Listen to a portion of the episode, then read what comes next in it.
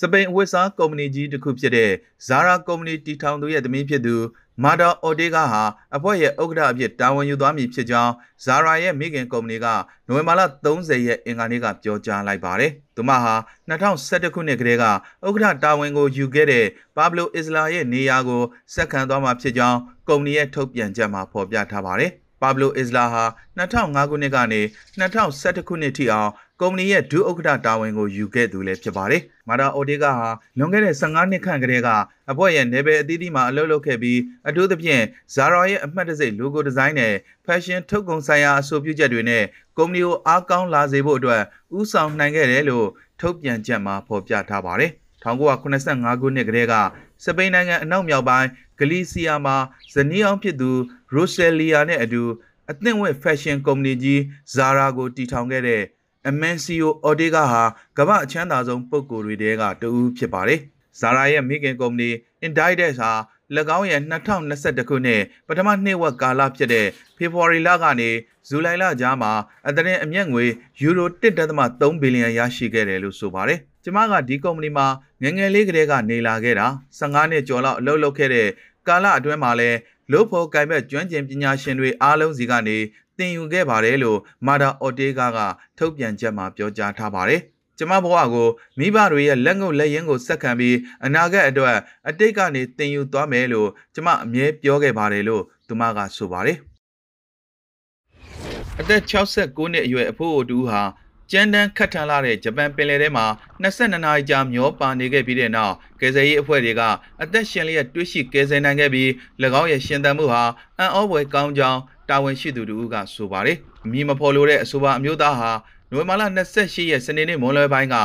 ကာဂိုရှိမာစီရင်စုအနောက်ဘက်ပင်လယ်ထဲကိုတူဦးတဲ့လှေနဲ့ထွက်ခဲ့ပြီးယာဂူရှိမာအပန်းဖြေကျွန်းကိုတွားရလမ်းမှာတိမ်မောက်ခဲ့ပါတယ်။သူဟာကျွန်းပေါ်မှာရှိတဲ့လို့ဖော်ကင်ဘတ်တယောက်ကိုကယ်ဆယ်ဖို့အချက်ပေးနိုင်ခဲ့ပေမဲ့တရနီးပါးကြာတဲ့အထိရှာမတွေ့ခဲ့ကြောင်းကမ်းခြေဆောင်တပ်ဖွဲ့က AFP ကိုပြောပြခဲ့ပါတယ်။သူကိုတွေ့ရှိချိန်မှာတိမ်မောက်သွားတဲ့လှေရဲ့အင်ဂျင်ပေါ်မှာထိုင်နေပြီး ပန်ကာရွက်တစ်ခုကိုကင်ထားတာကိုတွေ့ရတယ်လို့ဆိုပါတယ်။ပင်လယ်ထဲမှာ22နာရီကြာအောင်တယောက်တည်းနေခဲ့တဲ့သူ့ရဲ့အသက်ရှင်ရက်တည်နိုင်စွမ်းကိုကျွန်တော်အံ့ဩမိပါတယ်လို့ကမ်းခြေဆောင်တပ်ဖွဲ့ရဲ့အရာရှိတူက AFP ကိုပြောကြားခဲ့ပြီးဘသူဘဝဆိုတာဖွင့်ပြောဖို့ညှင်းပယ်ခဲ့ပါတယ်။ကမ်းခြေဆောင်တပ်ဖွဲ့ကလွှင့်တင်ထားတဲ့ဇက်ဝန်ကန်းစံစံဗီဒီယိုမှာအဖွဲ့တစ်ဖွဲ့ကသူ့အနီးကိုလှေနဲ့ချင်းကပ်သွားနေပြီးခမားစီကိုကျွန်တော်တို့လာနေပြီးအတင်းထားပါ မြဲမြဲကင်ထားပါလို့အော်ပြောနေတာကိုတွေ့မြင်ကြရပါတယ်။ဆိုပါမျိုးသားကိုကယ်ဆယ်ပြီးချိန်မှာမိခိုးရောင်ပလတ်စတစ်ခြုံလွှာနဲ့နှွေးထွေးအောင်ကူညီပေးခဲ့ကြောင်းတာဝန်ရှိသူတွေကပြောကြားခဲ့ပါတယ်။သူ့ရဲ့ရှင်သန်လွတ်မြောက်လာမှုက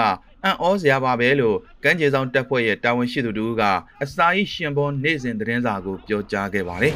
။ကမ္ဘာတဝန်းကိုပြန့်နှံ့လာနေတဲ့ COVID-19 မျိုးကွဲအသစ် Omicron ကိုတိုက်ဖြတ်ဖို့အတွက်အားချင်းအရေးပေါ်လှုပ်ဆောင်ကြဖို့ နိုဝင်ဘာလ29ရက်တနင်္လာနေ့က G7 ကျန်းမာရေးဝန်ကြီးတွေကတိုက်တွန်းလိုက်ပြီး American သမ္မတဂျိုးဘိုင်ဒန်ကတော့အဆိုပါယောဂါဖို့အတွက်အစိုးရမလွန်ကြဖို့လိုကြောင်းပြောကြားလိုက်ပါတယ်။ပြီးခဲ့တဲ့သတင်းပတ်ကတွေ့ရှိခဲ့တဲ့ virus မျိုးကွဲအသစ်ဟာဥရောပ၊အာရှနဲ့မြောက်အမေရိကတိုက်တွေကိုလျင်မြန်စွာနဲ့ပြန့်နှံ့သွားတဲ့အတွက်ခရီးသွားလာမှုကန့်သက်ချက်အသစ်တွေချမှတ်ခြင်းနဲ့နယ်နိမိတ်တွေကိုတင်းတင်းကြပ်ကြပ်စစ်ဆေးပိတ်ဆို့မှုတွေပြုလုပ်လာတဲ့နိုင်ငံတွေထဲမှာဩစတြေးလျနဲ့ဂျပန်နိုင်ငံတွေကဥဆောင်နေပါတယ်။ ဒါပေမဲ့ဘိုင်ဒန်ကတော့ Omicron ကြောင့်အခုလိုအချိန်မှာပိတ်ဆို့မှုအသစ်တွေနဲ့ခီးသွွာလာမှုကန့်သက်ချက်တွေကိုတက်တန်းတိုးဖို့ကြိုတင်လှုံ့ဆော်ဖို့မရှိသေးကြောင်းအမေရိကန်တွေကိုပြောကြားထားပါတယ်။ Omicron ကြောင့်သေဆုံးမှုသတင်းထွက်ပေါ်မလာသေးသလို COVID-19 ပထမဆုံးလူနာကိုစတွေ့ပြီးနောက်နှစ်နှစ်နီးပါးအကြာထိအောင် COVID-19 ကူးစက်ခံနေရဆဲဖြစ်တဲ့ကမ္ဘာမှာအသစ်ပေါ်လာတဲ့ဒီမျိုးကွဲသစ်ကဘလောက်ကူးစက်နိုင်တယ်ဆိုတာနဲ့ကာကွယ်ဆေးတိုးမတိုးဆိုတာတွေကိုရှင်းရှင်းလင်းလင်းမသိရသေးပါဘူး။လက်တလုံးမှာတော့အထူးသဖြင့်အနောက်ဥရောပရှိအစိုးရအများပြားဟာယောဂအရှိန်အဟုန်နဲ့ကူးစက်မှုကိုကြုံတွေ့နေရပြီးမဖြစ်မနေ max ဝစ်ဆင်ခြင်း social distancing နေထိုင်ခြင်းညမထွက်ရနဲ့ lockdown များပြုလုပ်ခြင်းတွေကမန်းကရန်လှုပ်ဆောင်လာကြတဲ့အတွက်စီးပွားရေးလုပ်ငန်းတွေအနေနဲ့နောက်ထပ်ဆိုးဝါးလာတဲ့ခရစ်စမတ်ကာလကို ကြုံတွေ့ရမှာစိုးရိမ်နေပါတယ်။အရေးပေါ်ဆွေးနွေးပွဲအပြီးမှာ COVID-19 မျိုးကွဲသစ်ရဲ့ကနဦးအကဲဖြတ်မှုမှာချင်းချောက်မှုအသစ်တစ်ခုနဲ့ရင်ဆိုင်နေရကြောင်းတွေ့ရှိရတဲ့အတွက်ကမ္ဘာအတိုင်ဝန်းအနေနဲ့အရေးပေါ်လှုပ်ဆောင်ရလိုအပ်ကြောင်း G7 ကျန်းမာရေးဝန်ကြီးတွေကပြောကြားခဲ့ပါတယ်။ကမ္ဘာကျန်းမာရေးအဖွဲ့ကြီးက Omicron ရဲ့အန္တရာယ်ရှိမှုအလွန်မြင့်မားကြောင်းပြောကြားခဲ့ပြီးကြီးမားတဲ့အရှိန်အဟုန်နဲ့ကျန်းမာရေးစနစ်အပေါ်ကိုဖိအားဖြစ်စေနိုင်တဲ့အတွက်သေဆုံးမှုပိုများလာနိုင်ကြောင်းသတိပေးထားပါတယ်။ ဒါပေမဲ့ Omicron နဲ့ပတ်သက်ပြီးအချက်ပေးခေါင်းလောင်းထိုးခဲ့တဲ့တောင်အာဖရိကဆရာဝန် Angelis Kozi က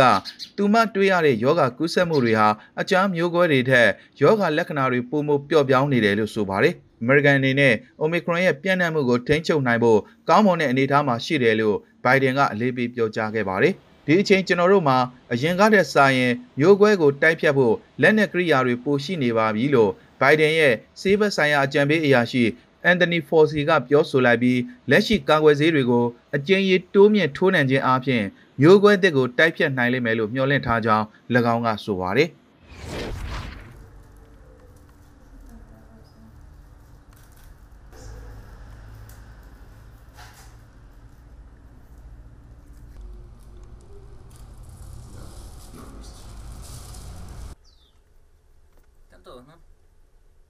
ပီရူးနိုင်ငံလီမာမြို့စင်ချေဖုံးကရွှွန်ဈေးနဲ့တီဆောက်ထားတဲ့နှစ်ထောင်ချီတက်တန်းရှိမြို့ပြအဆောက်အုံကိုတူးဖော်နေစဉ်မှာအင်ကာခေတ်မတိုင်ခင်နှစ်ပေါင်း800နဲ့1200ကြားတက်တန်းရှိမမ်မီရုပ်အလောင်းတစ်ခုကိုပီရူးရှေးဟောင်းသုတေသနပညာရှင်တွေကတွေ့ရှိခဲ့ပါတယ်။အဆိုပါရုပ်အလောင်းဟာတေဆုံးချိန်မှာအသက်18နဲ့22နှစ်ကြားရှိပြီးအမျိုးသားတူဖြစ်ဖွယ်ရာရှိပါတယ်။ထူးဆန်းတာက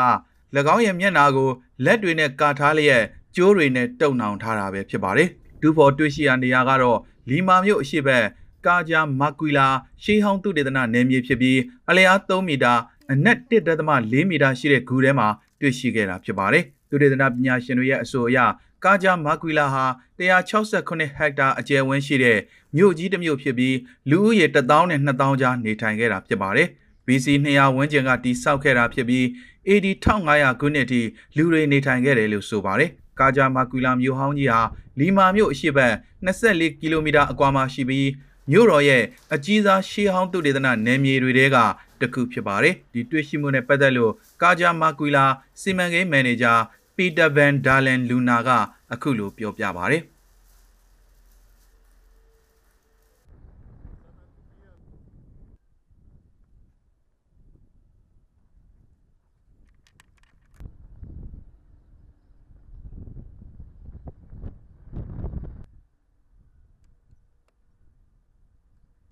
Eh, hemos logrado el descubrimiento de una momia. ¿no? que ဒီ se မမ်မီကို encontraba မြေအောက်က ubicada ကြော့ပုံ anteriormente တင်ကြိုင်းထဲမှာတွေ့ရှိခဲ့တာဖြစ်ပါတယ် forma ဒီမမ်မီရဲ့ကိုယ်ပေါ်မှာကျိုးတွေတုံနှောင်ထားတာတွေ့ရတယ်အတော့ကိုစမ်းကြယ်ပြီးရှားပါလွန်းတဲ့အတုပစီရင်ပုံအလေးအထားတစ်ခုပဲ ဒီမမ်မီကတောင်တန်းဒေသကနေကုံသွယ်ဖို့ဒါမှမဟုတ်အခြားကိစ္စတစ်ခုခုနဲ့ဒီနေရာကိုရောက်လာတာဖြစ်နိုင်တယ်ဒီနေရာကကုံစီကူးတန်းရောင်းဝယ်ဖောက်ကားရာအချက်အချာမြို့ကြီးဖြစ်နေလို့ပါကြိုးရမှာထည့်သွင်းထားတဲ့ပစ္စည်းတွေရဲ့အနေအထားအရဒီမမ်မီကစိုက်ပျိုးရေးကိုဇောက်ချလောက်ကင်သူဖြစ်နိုင်ပါတယ်ပြောင်းစံတွေအခြားအပင်တွေပစ္စည်းတွေအပြင်ပူးတွေကိုရစ်ပူဇော်ထားတာကိုတွေ့ရလို့ပါဒီမျိုးဟောင်းကြီးမှာလုပ်ငန်းတာဝန်များစွာဖွံ့ဖြိုးတာတွေ့ရပါတယ်ကဏ္ဍတွေလည်းအများကြီးပါပဲ အုတ်ချုပ်ရေးပြည်တွင်းရေးနဲ့အိုးအိမ်နေရာခြားထားရေးအပြင်တုတ်တန်တဲ့တကြိုရေးကဏ္ဍတွေပါတွေ့ရပါတယ်လူနေအင်ဂျီတွေရှိတဲ့ဒီမျိုးပြရဲ့အလယ်မှာတင်းချိုင်းကိုတွေ့တယ်လို့တကြိုထားတဲ့အလောင်းတွေပါတဲ့ကျင်းနက်နက်တွေလည်းတွေ့ရပါတယ် ciudad. Era un centro urbano.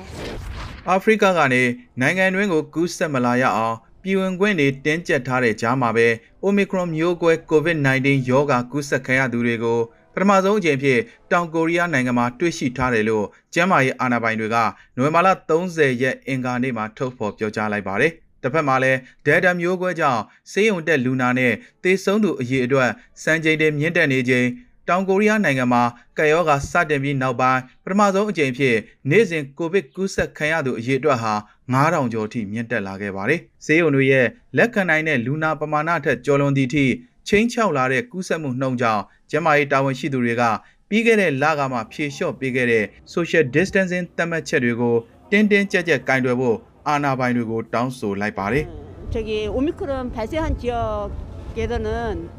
Omicron မျိုးကွဲကူးစက်နေပြီဆိုတာသေချာတဲ့နိုင်ငံတွေစီက